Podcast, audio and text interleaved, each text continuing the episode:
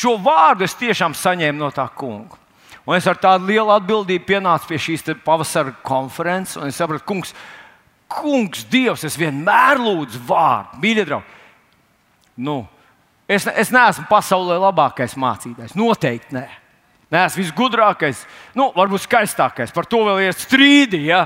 Par to, jo kādreiz bija jauns un skaists, jaunībā aizgāja. Nu, un palika tikai viens nožēlojamais skaistums. Ja? Nu, bet, uh, bet es tiešām cenšos saņemt vārdu no Dieva. Un šajā nedēļā viņš man konstanti veda pie šī vārda, kur es nosaucu kā personīgs piedzīvojums. Personīgs piedzīvojums.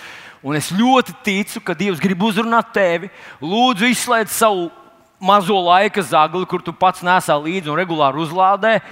Un ļauj, lai Dievs uzrunā tevi. Ne, ja tu pieraksti un tur filmē un tā tālāk, tu to vari darīt bet tev, tev nav jēgas klausīties mani dzīvajā un klausīties arī online, jo tur ir ar 5 sekundžu nokavēšanās tas viss. Ir. Tā kā lūdzu, nogriezt tur vismaz klusumu un mēģiniet sadzirdēt dzīvajā. Bet tie, kas jūs esat online, mēs no visas sirds jūs mīlam, no visas sirds es ticu un lūdzu, un es no visas sirds mm, tādu tādu sirds dedzību un sāpju. Gribu, lai Dievs jūs tiešām uzrunā, jo viens viņa vārds var izmainīt jūsu dzīvi uz mūžiem. Tāda personīgs piedzīvojums. Ziniet, personīgs piedzīvojums arī sanāca Pēterim. Viņš ir tāds vecāks vīrs, jau 80 plus gadi. Viņš bija nonācis doktora kabinetā. Nekas liels viņam nebija noticis. Viņš bija savainojis drusku pirkstu, tur saimniecībā ņemoties ar, ar dažādām saimnieciskām lietām. Un atnāca katram gadījumam parādīt doktoram, nu, lai, lai viss ir labi. Doktors apskatīja, apstrādāja brūci, nu, sabindēja visu tur, nu, kā, nu, izdarīja visu, kā vajag, un teica, līdz kāzām sadzīs. Tā ir mirkli, Pēters ieklausījās tajos vārdos, un viņam likās drusku neatbilstošs tas teksts viņa vecumam. Un tomēr sirdī cerības dzirksts iedegās. Pēters sāk domāt, ja jau pavarās tāda perspektīva, tad varbūt nu, jāsakārto sevi. Un viņš tas pie viena parādīja doktoram arī kāju. Viņš teica, nu, paskatieties, doktor, man labā kāja, kaut kas tur krakšķis, un, un, un, un tā nav vairs kā bija.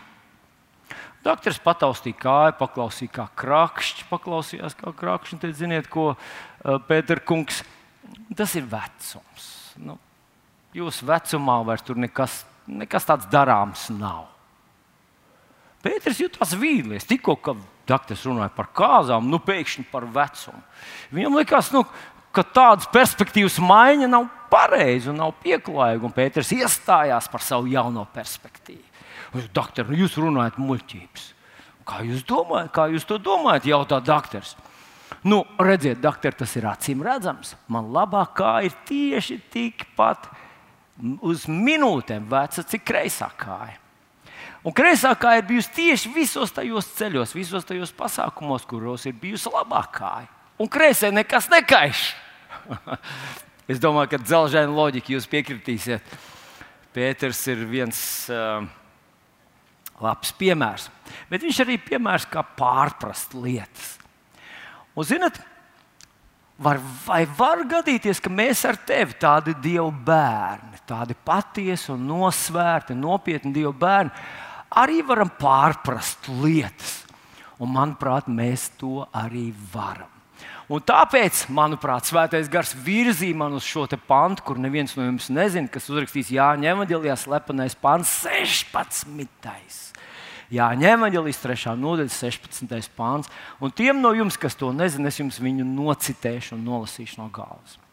Tātad, jo tik ļoti Dievs pasauli mīlējis, ka Viņš devis savu vienpiedzimušo dēlu, lai neviens, kas viņam tic, nepazustu. Tad tur iet runa par pazušanu, par mūžīgu pazušanu, nepazustu, bet dabūt mūžīgo dzīvību. Un tas ir skaidrs, ka šis pāns runā par glābšanu. Cilvēkam ir vajadzīga glābšana. Un redziet, es gribu vērst jūsu uzmanību uz pašu svarīgāko vai primāro vēstu, ko šis pāns saka. Un tas pants saka, ka tā bija Dieva ideja glābt cilvēci. Jo tik ļoti Dievs pasauli mīlējis. Un tur ir paskaidrots, kāpēc Dievam vajadzēja to glābšanu. Tas nav tāpēc, ka Dievs, Dievam bija citi plāni, viņš gribēja kaut kā nodarbināt, viņam bija kaut kāds speciāls paredzēts scenārijs cilvēcei. Īstenībā, ja Dievs nebūtu vēlējies cilvēci glābt, cilvēcei nebūtu nekādas izredzes ar visu kultūru, ar visu to sakārtotību, ar visām tehnoloģijām, visām filozofijām, ar visiem cilvēks ģēnijiem. Cilvēks neglābjam dotos pazušanas virzienā, un tā būtu pazušana uz mūžību. Tā būtu pazušana uz mūžu, mūžiem, mūžiem, mūžiem. mūžiem. Un zinat ko? Mēs katrs kaut kāds, mums ir kaut kāds priekšstats par elli, kāda tā ir. Un daži neticīgie cenšas radīt elli, tā kā tāda pirts, tā kā tāda latvietim tur būs tīri, labi, omulīgi. Mēs esam pieraduši karstumā, tvaikos un, un, un, un, un, un, un sutā. Bet zināt ko? Elle ir kaut kas pilnīgi pretējs tam, kam tu esi radīts. Un, ja mēs esam radīti gaismai, kādā, kādā psalmā rakstīts, ka tie, aiz, kas aiziet pazušanā viņi gaismas nekad neredzēs. Viņi nekad nepiedzīvos mīlestību, nekad nepiedzīvos žēlastību, nekad nepiedzīvos draudzību, nekad nepiedzīvos nu, daudzas, daudzas lietas. Tā kā elle ir kaut kas, ko ne tavas šūnas, ne tava dvēsele, ne tava uzbūve, ne, nekas tevī. Tu, tas ir kaut kas pilnīgi pretējs tam, kāds cilvēks ir radīts. Un lai cilvēks tur nenonāktu, Dievs ne tikai tā bija Dieva ideja glābt cilvēci, un konkrēti arī tevi. Viņš arī to realizēja, viņš sūtīja savu dēlu. Ziniet, tā doma, ka Dievs, ka Dievs varētu iet pazušanā mūsu vietā, lai mēs varētu iet glābt uz glābšanu, vienkārši nu, tā ir doma, kas var ienākt prātā tikai Dievam. Mēs neesam vienas viņa asaras vērti. Cilvēks nav vērta viņa dieva sāpju, viņa skumju, viņa ciešanu, jo atšķirības starp dievu un cilvēku ir vienkārši neiedomājama. Un ne tikai spēkā, ne tikai varenībā, ne tikai gudrībā. Visos aspektos mēs neesam viņa cienīgi. Bet Dievs tik ļoti mīlēja, ka izlēma, ka tie, kas nevēlēsies, tie, kas izvēlēsies uzticēties man, tie neies pazušanā. Un viņš aizgāja pazušanā, tāpēc, lai mēs ar tevi pazušanā neietu. Tas ir primārā lieta, ko saka šis pāns. Mēs ar tevi runājam par debesīm, par mūžīgo dzīvību. Mēs ar tevi runājam par laikmatiem, kad Dievs parādīs savu žēlstības un laipnības pārplūstošo bagātību. Ne tāpēc, ka esam labi cilvēki, ne tāpēc, ka, protams, dziesmas labas tur, vai, vai pielūgšana, vai mēs kaut ko labu esam izdarījuši. Ah, man ļoti patīk, kurš tas bija no pravieciem. Man liekas, ka tas bija Jeremijs, kurš teica, ka visa mūsu taisnība, tas viss tas labākais, kas mūsos ir. Un tad viņš lieto tādu sārņainu lupatu, tā kā tavu trauku lupatu, par kuru reklāmas mums nemitās atgādināt, ka tur ir ļoti daudz baktēriju. Tāda mēs bijām visā tā savā cilvēciskajā skaistumā, šķīstumā un, un uh, sasniegumos Dieva priekšā. Bet Viņš deva savu dzīvību. Tātad tā ir Dieva ideja un Dieva izpildījums. Bet šis pāns ar to vēl nebeidzās. Viņš runā par tiem, kas pazūd. Tātad pazūdošiem. Jēzus nevar izglābt cilvēku, kurš nepazūd. Jēzus nevar izglābt cilvēku, kurš saka, esmu pietiekami talantīgs, lai pats nonāktu debesīs. Esmu pietiekami labi audzinājis savus bērnus, esmu uzupurējis savu vecāku dēļ. Es strādāju tādā profesijā, kur uzupurējis cilvēku dēļ. Es strādāju slimnīcā, asins pārliešanas centrā, es strādāju morgā. Es tur visu dzīvi ciešu, es uzupurēju cilvēku dēļ, tāpēc esmu glābts. Jēzus tev nevar palīdzēt. Viņš var palīdzēt tikai tiem cilvēkiem, kas ir izdarījuši grēku un apzinās, ka ir grēcinieki, ka viņi iet pazušanā.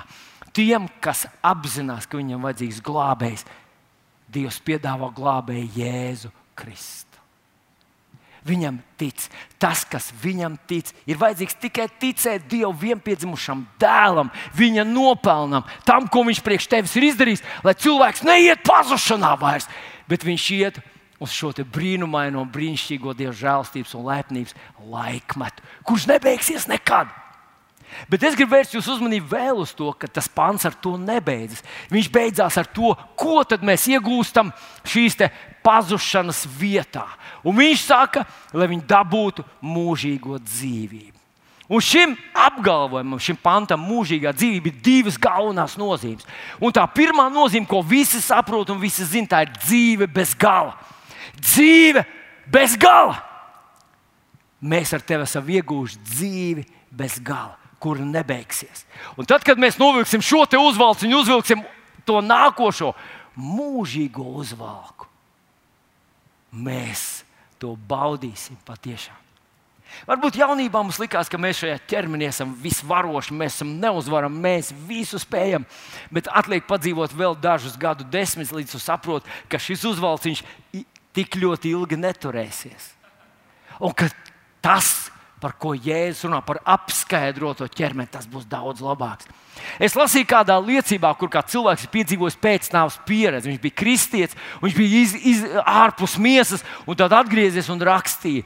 Un tad viņš stāstīja tādu interesantu lietu, ka tad, kad viņš izgāja no ķermeņa, ka viņam bija sajūta, ka viņam no galvas novilcis melns maiss. Viņš teica, tās sajūtas, tā izpratne, tā vis, visa tā uztvere viņš saka, tā kā debesis un zeme, tā kā nakts un diena. Nu, šodienas naktis mums ir sabojāta, jo mums ir elektrība, bet bija laiki, kad elektrības nebija un kad palika tumšs, tad bija tāda tumsa. Pat tie, kas ķēniņa namos, tur bija tāda tumsa, tikai lai neieskriet sienā un kādam neuztriektos virsū. Tā bija tāda, tāda gaisma, lai izdzīvotu tikai.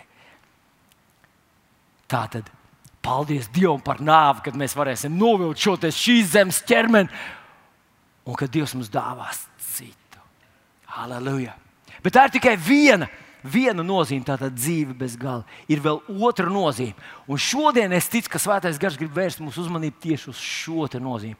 Un tā otra nozīme ir uh, ar Jēzus vārdiem runājot. Jēzus pats to paskaidro Jāņa Evanģelijā 17. nodaļā, 3. pantā, kur viņš saka to, ka paskaidro, kas ir mūžīgā dzīvība. Un viņš saka, bet šī ir mūžīgā dzīvība, ka viņi atzīst tevi vienīgo patieso Dievu un to, ko tu esi sūtījis, Jēzu Kristu.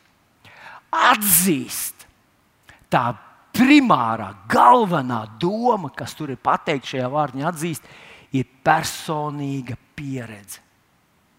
Kas ir mūžīgā dzīvība? Personīgi pazīt, personīgi sastapties, personīgas, ciešas, dzīves, īstas attiecības ar debesu Tēvu un Kungu Jēzu Kristu.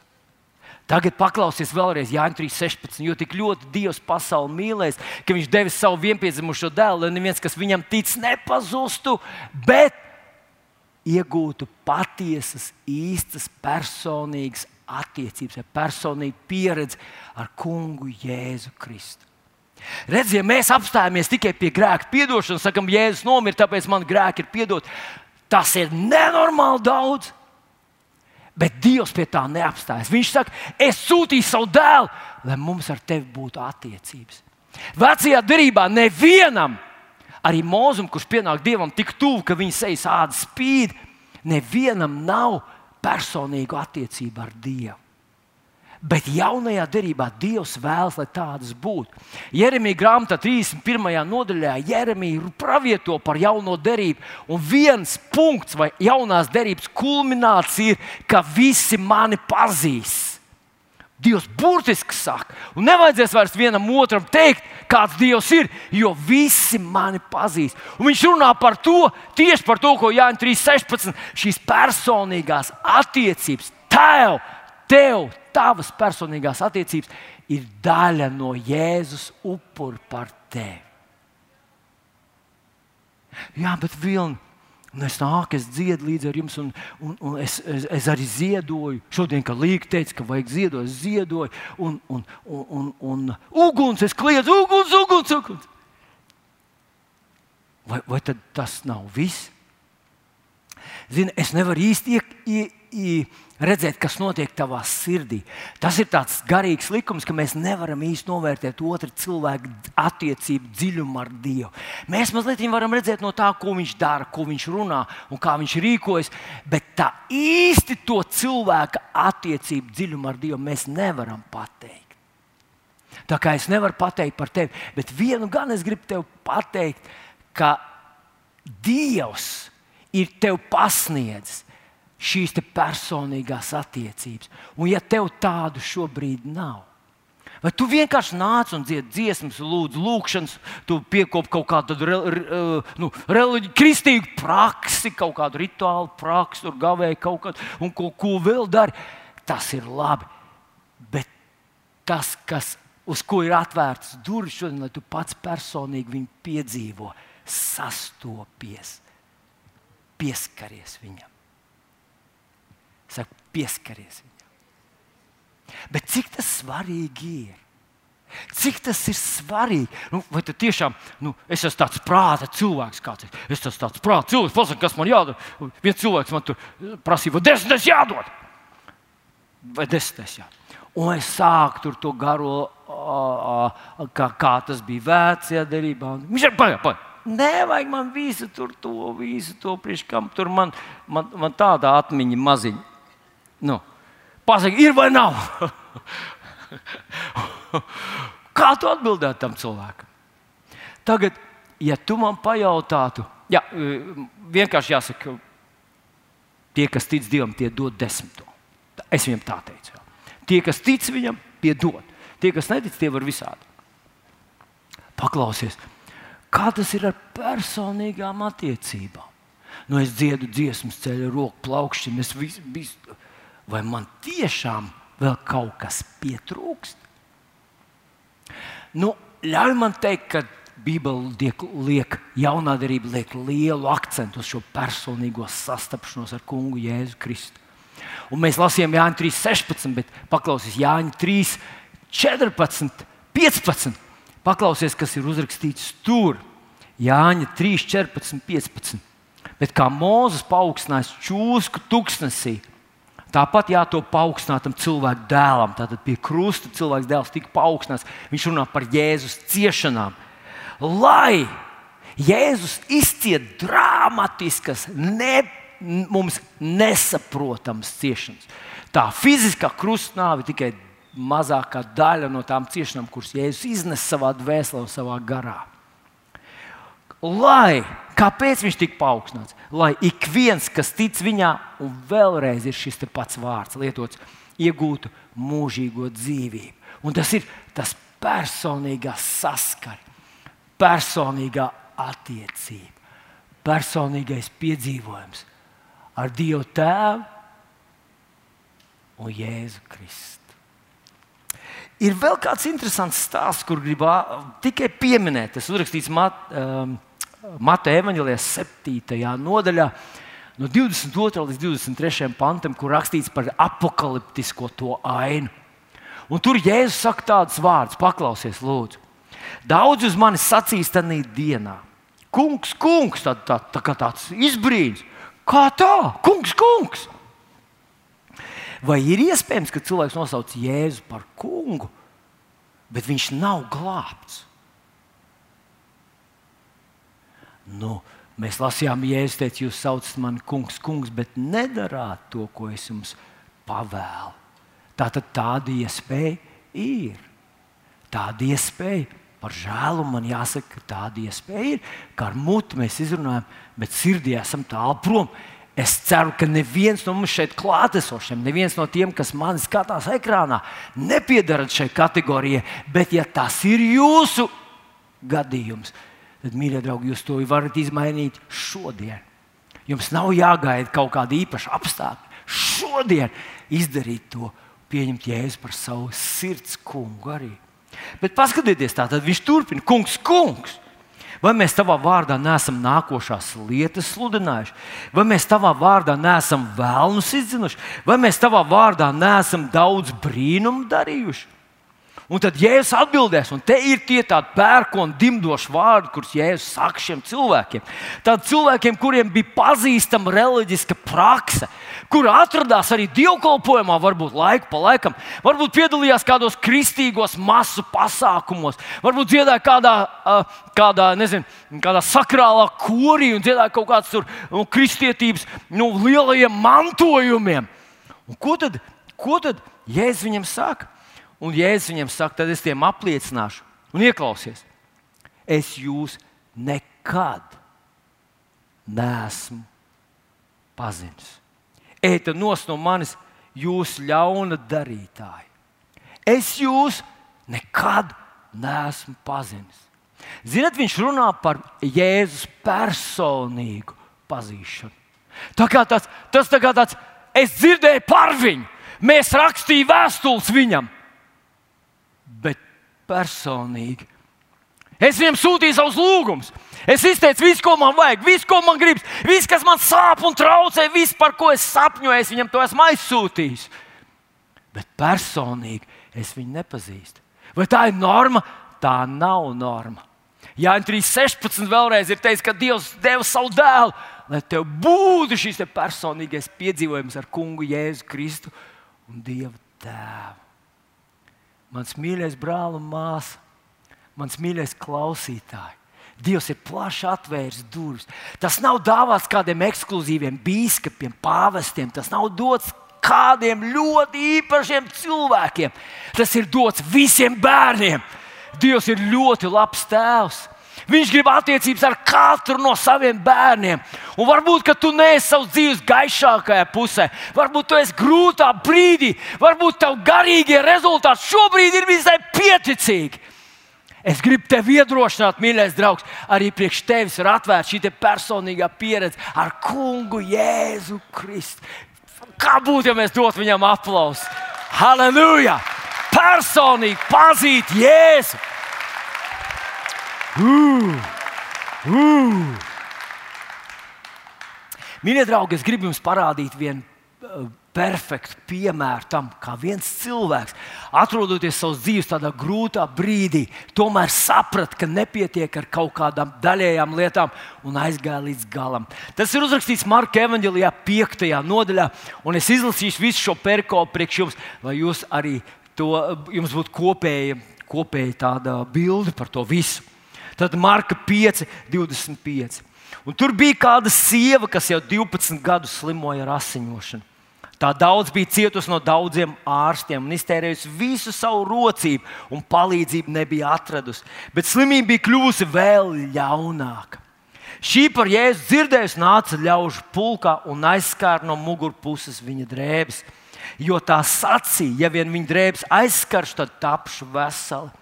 Un tūdaļ viņas asins avots izsīka, un viņa manīja savā miesās, ka no tās kaitas bija dziedināta.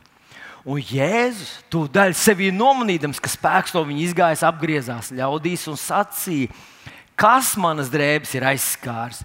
Un viņa mācekļi viņam sacīja, tu redzi, ka ļaudis tev spiežas virsū, un tu saki, kas mani aizskārs. Bet viņš skatījās un gribēja to ieraudzīt, kas to bija darījusi.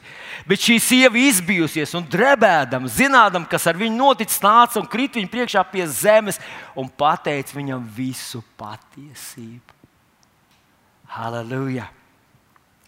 Man gribētos tagad atgādināt to īpašu beigu pantu. Viņa saņēma šo uzaicinājumu, lai tas cilvēks, kurš tas ir, viņa drebēdam krit viņa priekšā. Viņas acīs Jēzus bija tik īpašs, tik īpašs, tik īpašs. Viņa vairs nebaidījās no nāves. Zini, ka tu 12 gadus mocies ar slimību, un tā lēnām tev grauž kopā, kaut kur atnāk tāda, tāda nu, tāds, nu, laikam, laikam tā tas beigsies.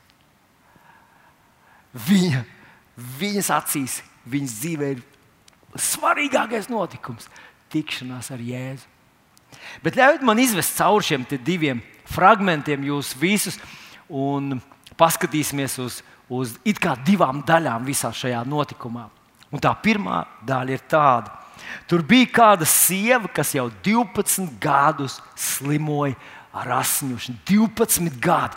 Nu, dažādas, mēs varētu teikt, dažādas slimības tur ir iespējamas, bet mēs pie tā neapstāsimies šodien. un tā daudz bija cietusi. Mūsdienu medicīna jau brīžiem ir kaut kur tāda sāpes radoša. Kāda bija tā laika medicīna, tu negribi to piedzīvot. Dēles bija absolūti maigākā daļa no visa tā. Tas bija robežojas ar šarlatānismu un, un tādu cietsirdību. Viņa bija izcietusi daudz. Iztērējusi visu savu rocību, visu savu naudu. Iespējams, ka viņa bija palikusi trūkumā no visa tā.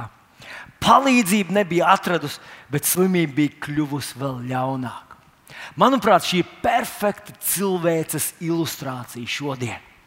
Mēs cilvēki saprotam, ka mums ir bijušas problēmas. Un es, nu, man tas asociējas varbūt mazliet ar tādu laiku no manas jaunības, kad uh, bija pēc otrā pasaules kara. Cilvēks bija piedzīvojis dramatiskus dzīvā spēka zaudējumus. Atsevišķas tautas, miljonus, miljonus, miljonus cilvēku bija pazaudējuši. Latviešu tauta, kā mēs zinām, ne tikai karā pazaudēja savus dēlus, bet pēc kara mēs vēl divreiz piedzīvojam vardarbību Uh, represijas un deportācijas, kur paņēma cil latviešu tautas gaišākos, stiprākos cilvēkus, aizveda viņus uz Sibīriju un lielāko daļu tur nomušīja, nomērdēja un, un nogalināja. Un cilvēks it kā domāja, ka ir kaut ko iemācījusies. Manā laikā, manā jaunībā, kad es vēl e, nu, biju tādos jaunekļu gados, e, bija tādi teksti, un viņi skanēja diezgan bieži, ka cilvēks tagad ir sapratusi, ka karš nav risinājums, karš ir pārāk postošs, tas tik daudz asins izlaiž, tik daudz tik dziļas un rētas iecērt karš tautu, ģimeņu un cilvēku likteņos un atmiņās, ka kara vairs nebūs. Un bija tādas visādas dziesmas, runas par to, ka viss uh, mums ir paveicies, mēs nepiedzīvosim karus, jo taču, taču mēs esam kaut ko iemācījušies. Cilvēks sapratusi, kā jārīkojas. Un, nu, Nepagāja, neviena paudze nav pagājusi. Šodien kari ir visapkārt.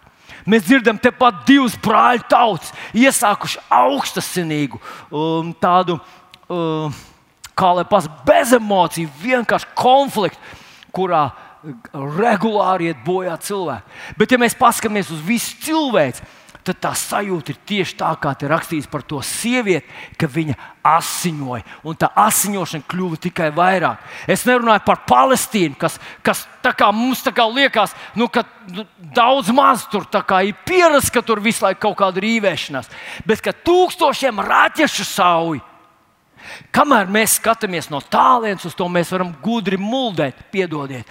Brīžiem klausos kādu no mūsu komentētājiem, un man, man ir druskuļi sanāk tādas pasaulīgas dusmas. Nu, jau uz mūsu pilsētu izšautu tūkstoš raķešu.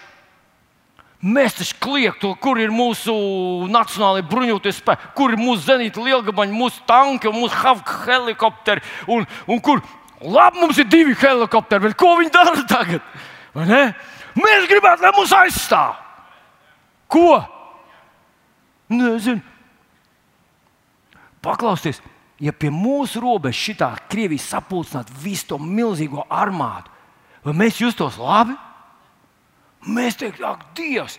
Ir pilnīgi iespējams, ka kaut kas tur kaut ko pārklausās, un viens pulks pāriet pāri, nomirst viņi cil, trīs cilvēki. Jo, un sākās. Tur ir nejaušības faktors milzīgs, bet tas notiek visā pasaulē. Paskatieties, Ķīna ceļās, un tautas jau pasaules globus otrā galā runā par iespējamu militāru konfliktu ar Ķīnu, ar Krieviju. Ziemeļkoreja atkal paziņoja, ka gatavos vēl lielāks bunduļs, kurš šaus gaisā un nezinu, kur nokritīs viņus. Paklausieties, mīļie draugi! Militārā sacensība jau pāriet uz kosmosu un uz Ziemeļpolu. Pasaule nav mainījusies. Mūsu problēmas, kuras mēs drūzēni risinām, paliek lielākas.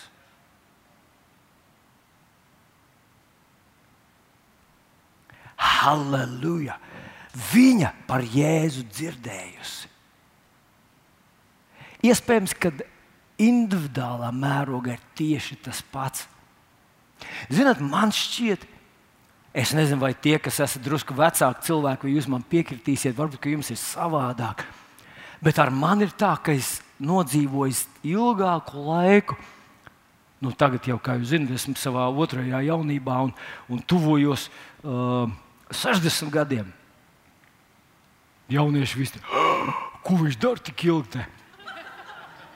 Jaunieši, es nezinu, es nezinu, tad dzimšanas dienas viss skrien kā.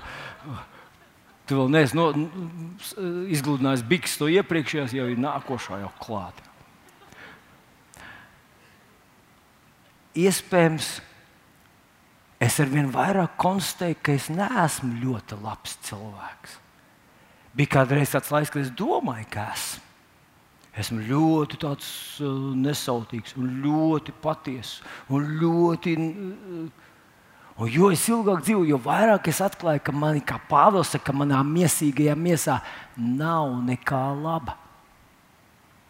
Un man ļoti jāturas pie tā, ko Kristus man ir izdarījis. Citādi ar maniem dzīvot ir murgs. Pajautājiet manai sievai. Viņa dara šo brīnumu jau vairāk kā 30 gadus. Jā.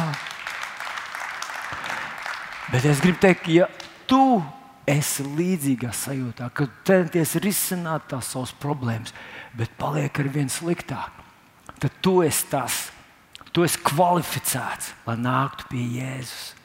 Viņš ir tieši tevis dēļ atnācis, tieši tevis dēļ. Viņš izdarīja to, ko izdarīja, lai tevi izglābtu.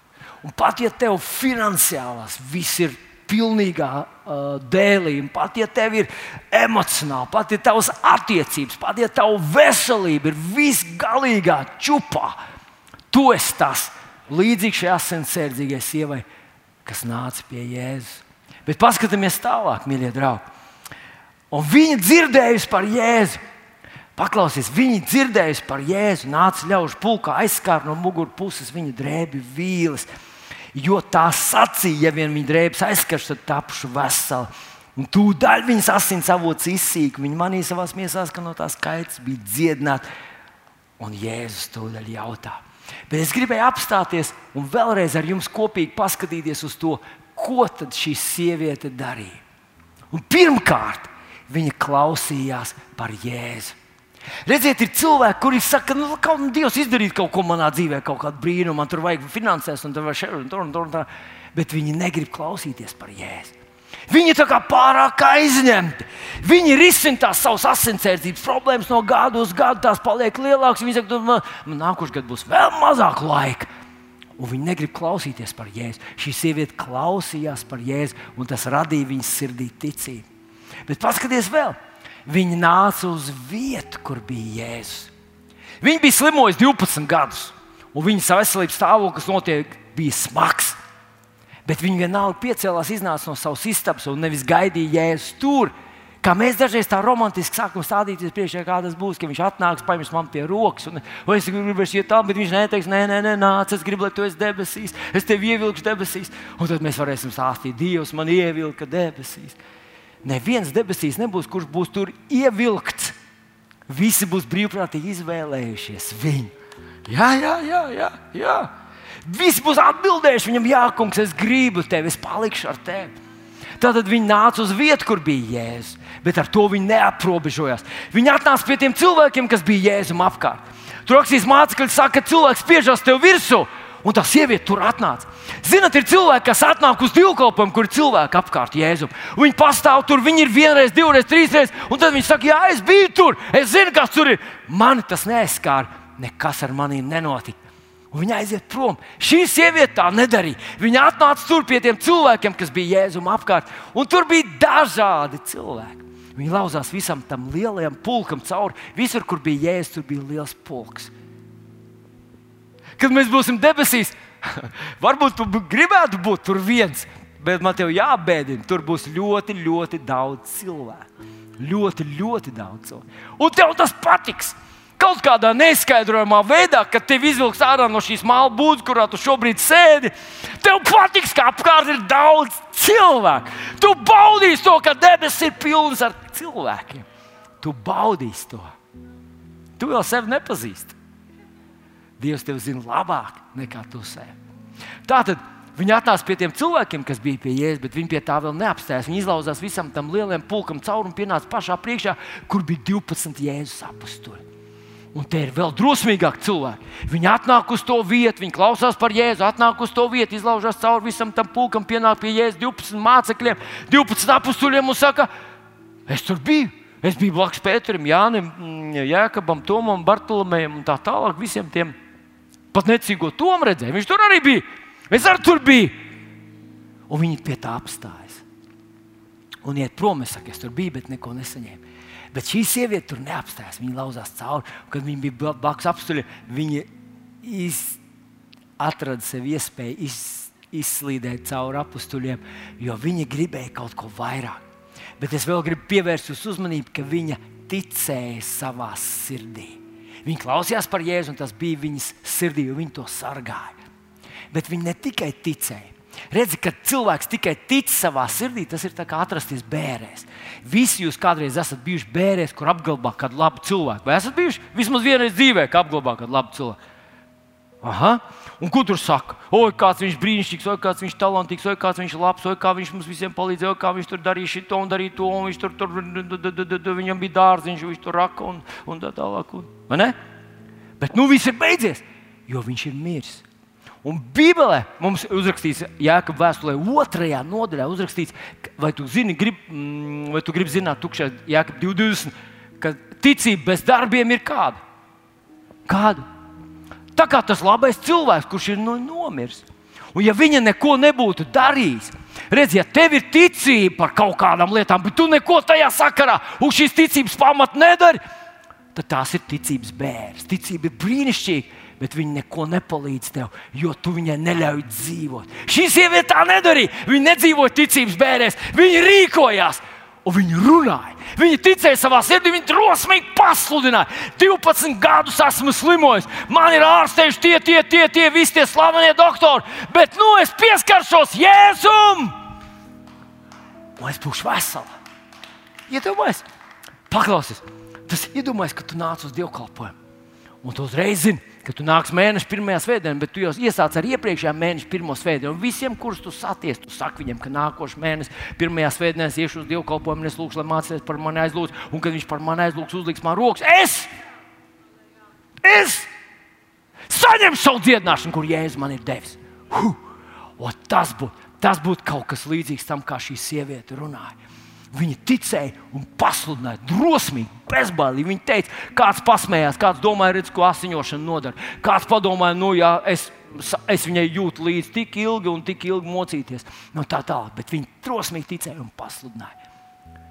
Un kāds teikt, ka tas ir tas viss, ko cilvēks var izdarīt? Bet iespējams, ka viņi bija lasījuši, lai gan toreiz vēl nebija uzrakstīts Jānis 3.16. Iespējams, ka viņi bija dzirdējuši no Jēzus prediķiem, ka ar to vēl nav gana. Viņa Jēzus ir samaksājis, lai tu pieskartos viņam personīgi. Lai tev būtu personīga pieredze ar viņu. Un tā viņa gribēja viņam pieskarties. Viņa teica, man vajag pieskarties viņam. Viņa atnāca, viņa bija, viņa ticēja, viņa izlauzās cauri mācekļiem, viņa pasludināja ar savu muti. Bet viņa teica, man viņam jāpieskaras. Man ir personīgi kontakti, personīgi pieskarties kungam, Jēzum Kristum. Mans mīļais brāl un māsa, šodien es gribu tevi iedrošināt, zinu, ko? Ka ir kaut kas vēl. Ir dievkalpojuma atmosfēra, kur mēs atnākam visi kopā. Ir dievkalpojuma tā sajūta, kad mēs visi lūdzam, kad mēs visi slavējam, kad mēs lasām vārdu, kad mēs apliecinām to, kas ir mūsu sirdīs. Bet ir kaut kas vēl. Un tas vēl kaut kas ir tavs personīgs piedzīvojums ar Jēzu. Ziniet, jūs droši vien atceraties, ko mēs lasījām par viņu, kas tur notika. Kad viņi viņam pieskārās, viņa zināja, ir vesela. Huh! Atcerieties, kādus gadus atpakaļ Līga mums stāstīja vienā lūkšanā, vai tas bija gaveņa laiks. Viņai bija dzimusi dziesma, un tā dziesma bija dzimusi no šī personīgā pieskāriena. Un tad viņi dziedāja, tur bija tikai viena frāze visā tajā dziesmā. Viņš ieskatījās man acīs. Un kāds no malas ir? Oh, un otrais pāns kāds? Kāds ir piedzīvojums? Kāda harmonija? Viņai nebija ne harmonijas, ne piedziedājuma, nekā. Viņai bija personīgs piedzīvojums ar Jēzu. Wow. Es šajā rītā uzrunāju te, pilnvarots, svētā gara pilnvarots. Ir vēl, ir vēl, tu tici, tu kalpo, tu pacel savus rokas, tu citē Dievu vārdu bet ir kaut kas vēl. Vai tu neesi pazaudējis to pašu galveno fokusu, un tas ir personīgi pieskarties viņam, personīgi piedzīvot. Manā dzīvē ir bijušas pāris tādas reizes, dažas, kuras pavadīja tādu emocionālu sprādzienu. Vienkārši tev tek viss. viss, vis, nu, viss, vis, jā, viss, viss no augšas, viss vienkārši piedzīvo viņa mīlestību. Ha, ha, ha, oh, cik labi! Pirmā ķēniņa grāmatā ir stāsts par Eliju, kad viņš uzkāpa augšā. Tur ir vētra, uguns un viss. Un Elija neapklāja savu vaigu. Tur bija zemestrīce, vētra, kas sadrupina klintis un uguns un Elīna neapklāja savu vaigu. Bet tad atnāk lēna, klusa balss. Un tā uzrunā Elīna pašā, pašā sirds dziļumā. Tas ir tas personīgais piedzīvojums. Elīna uzreiz apklāja savu seju. Tas kungs ir šeit. Ir vēl kaut kas. Ir vēl kaut kas baudīt šo mūžīgo dzīvību šeit un tagad, pieskarties pašam Jēzum. Tas atdzīvinās tavu kristietību, tavu lūgšanu vairs nebūs formāla, tā būs saruna ar viņu. Tavu slavēšana būs viņam tuvoties. Tavu vārdu studijas būs viņš uzrakstīt tev to. Viņi brūcēs, es esmu dziedināts. Es ļoti gribētu, lai šajā rītā tu pacel savu skatu un saki, Kungs, es pieņemu šo mūžīgo dzīvību, es tuvojos tev, es gribu tevi piedzīvot. Tas nevienmēr būs ar milzīgām emocijām, bet tu zināsi katru reizi. Katru reizi kad tu viņam pieskarsies, tu zinās.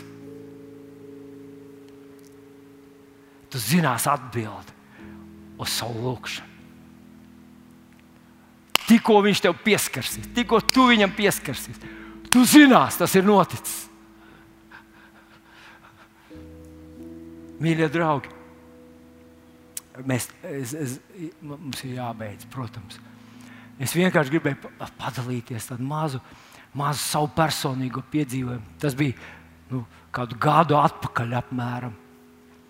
Es biju no rīta izgājis mazliet pastaigāt, un tas ir brīnišķīgs laiks.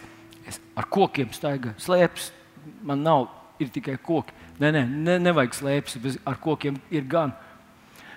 Un es eju, un es ar viņu runāju, un tik labi. Otra labākā vieta, ja jums nepadodas lūkšanas dzīve, nopērciet motociklu, iebrauciet mežā un brauciet pa mežu.